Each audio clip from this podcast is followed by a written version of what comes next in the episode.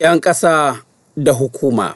Mulkin kai ba son kai ne ba, ba ni ke kafa a ci daɗi ba, ba alkawarorin karya ba, inda masu irin wannan a gaba, yankin bai tsina na komai ba. Masu saurari Assalamu alaikum. Barka da saduwa da ku ta cikin shirin 'yan ƙasa da hukuma da ni Mahmud Ibrahim Kwari zan gabatar. a ni dala ban taɓa yin amfani da ita ba. Mu yanzu dalar nan ta sa abubuwa da yawa a kasuwancin mu ya zama abin da ya zama wallahi sai dai haƙuri. Ani dala ma sai in ce gani na da ita ma bai fa irga ba. Amma kuma azabar da ta narke ji a jikina ta yi yawa. Kayan abinci ya yi tsada. Yanzu a ce shinkafa tamu ta najeriya ana sai da kwano dubu uku. Da ɗari shida da ɗari biyar buhu dubu sittin Yadda hauhawar farashin kuɗaɗen ƙetare musamman takardun dala ke mummunan tasiri ga haƙoƙi da 'yancin rayuwar 'yan ƙasa a Najeriya shine batunmu na yau.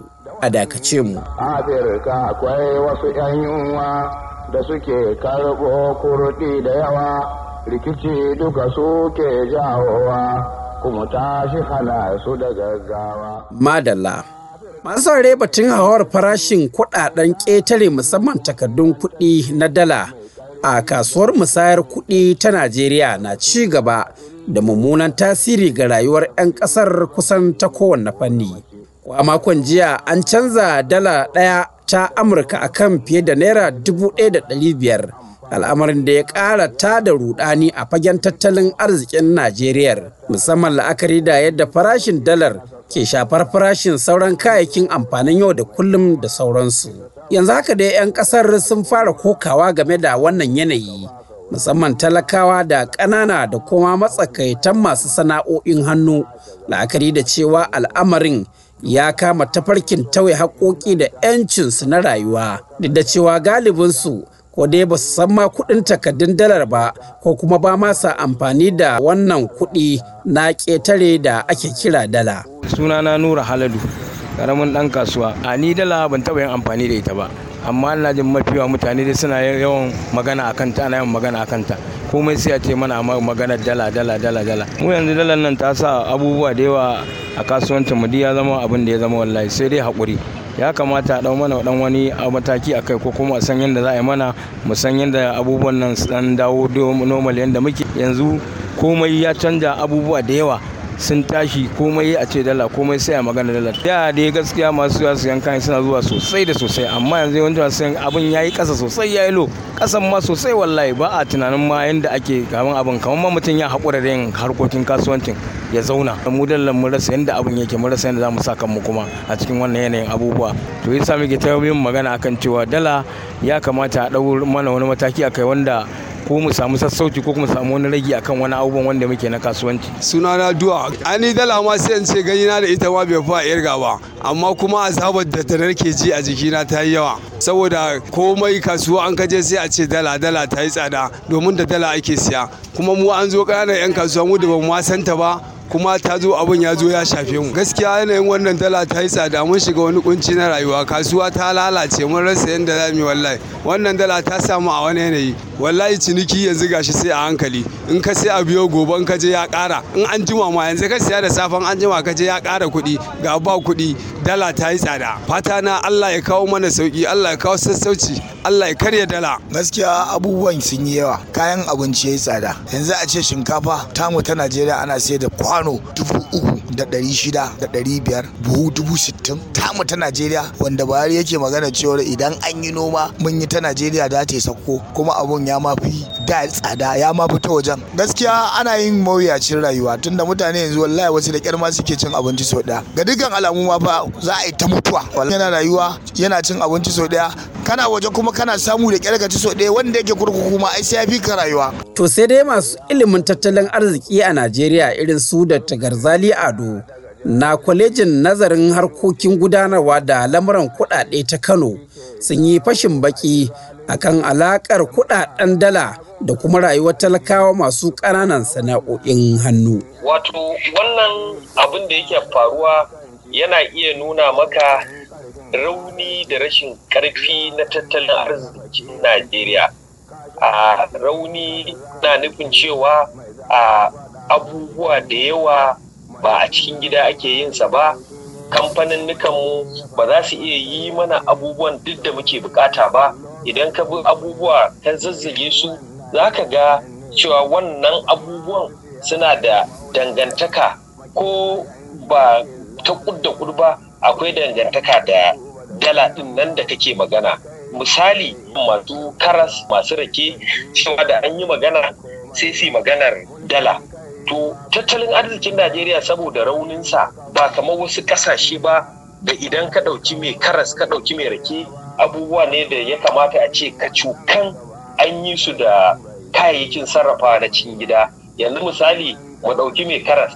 Idan kana ganin karas ɗin da kake siya ka gan shi an je an siye shi a wudil da an shigo da shi birni sai ka yi mamaki ka ce me yasa mai karas zai ma maganar dala? To akwai dalili. Yanzu misali shi karas ɗin irin da aka shuka aka dasa ko daka shi aka yi ko shuka shi aka yi ba hukumomin bincike na noma na Najeriya ne suke suka yi shi ba. Na baka wannan ka je ka duba duk iri-irin nan da ake zaga da ƙasar waje ake shigo da shi. Kaga idan za a sai iri da ƙasar waje me za a amfani da shi? Da dala za a siyo shi. Na biyu banda irin karas din na tabbata shi takin da aka sa wa karas din idan takin a nan aka yi shi to akwai wasu ma'adanai na sarrafa takin. Su da dala aka siyo su a cikin ƙasar waje aka siyo su. Kaga sun shiga cikin karas kenan. Idan yanzu ka ɗauki shi ruwan da ake bawa karas din injin da ake bar ruwan da ita karfa mesar ai da ƙasar waje aka siyo ta ba mu tamu ba. Kaga a nan dala ta shafi karas kenan. Idan aka wanke karas din aka zuba shi na tabbata ɗauko shi da gona zuwa zuwa kasuwa shi ma maganar dalar ne. Wannan wani abu ne yake nuna maka mai ban tsoro a najeriya cewa rayuwar talaka da mai kuɗi da talaka shugabanni da kowa an alakanta ta akan dala. Shine a ɓangaren tattalin arziki muke cewa dollarization cewa dala ta zo ta yi kane-kane duk da ba kuɗin ƙasar Najeriya ba ne kuɗi ne na ƙasar waje kuma kuɗi ne da ake amfani da shi ake yin kasuwanci amma asirinsa ya taɓa rayuwarmu ya shiga fiye da inda ba ka Gaba a cikin shirin za mu ji matakan da ya kamata a ɗauka domin magance wannan matsala. Duka da an so shi ya inganta ƙasa ta tarar da waɗansunta za su yi sha'awa su ziyarce ta da kafar su su zo su yi kallanta komai ba mai iya kushe ta. Kan koka bar talakawanka a cikin yunwa da zaman bukka ko yawon maula ko sadaka ka sani har yanzu suna sarka. Kowa ya gani zai zage ka. Madalla. Matsore da yake wannan batu na hauhawar farashin dala a kasuwar musayar kuɗaɗe ta Najeriya ya shafi farashin dukkanin kayayyaki da 'yan ƙasar suke amfani da su, al'amarin da ke sanya rayuwa ke tsauri ga 'yan ƙasar. Masanin tattalin arziki Dr. Gazali Ado ya kawo wasu matakai da ya kamata a ce mahukuntan ƙasar ta Najeriya sun ɗauka. matakai da za a ɗauka matakai kala biyu ne akwai wanda suke na gajeren zango akwai na dogon zango dole dole ƙasar nan a karfafawa 'yan najeriya musamman 'yan kasuwa a gyara noma. Kayan noma na najeriya irin su zoɓorodo irin su riɗi irin su waken soya idan za a haɓaka nomansu a yi su kayayyaki ne da su citta nan da za a dinga fitar da su dalar tana shigowa. Shi matsalar tsadar dalar nan ta wuri biyu ne ta shigowarta da kuma bukatarta shigowar dala ta hanya ɗaya ce ta mai ne man fetur ne kawai ake shigo da dala to yanzu saboda bashin da muka ɗauka kuɗin man fetur ɗin mu kashi wajen tamanin da wani abu cikin ɗari idan an siyar ai biyan bashi ake yi. Yau da za a ce dalar nan za ta shigo da yawa ta hanyar man fetur ta hanyar kayayyakin da ba na man fetur ba idan ka siyar ka samu dalar sai ka shigo da kayayyakin da kake so sannan idan da yau gwamnati za ta yi wani tsari na shekara takwas ko na shekara bakwai cewa a yanke wasu kayayyaki da kaza da kaza da kaza da kaza ba za a shigo da su ba a zo a yi su a gida to na tabbata an za a ɗauki wannan matakan lalle ilalla wannan dala tasirinta zai ragu kuma farashinta zai ragu za a samu sauƙi. To Allah ya sa a dace. masu saurare ƙarshen shirin 'yan ƙasa da hukuma na yau kenan sai makon gobe idan Allah ya kai mu. Yanzu a madadin ɗaukacin abokan aiki Mahmud Ibrahim Kwari daga sashen Hausa na muryar Amurka ke cewa a huta lafiya. Wassalamu alaikum. Ina tausan ba ma fatawar neman samu sai za ido a wajen damu me ya ce ni ta bidar ilmu shine manufar mulkin kanmu.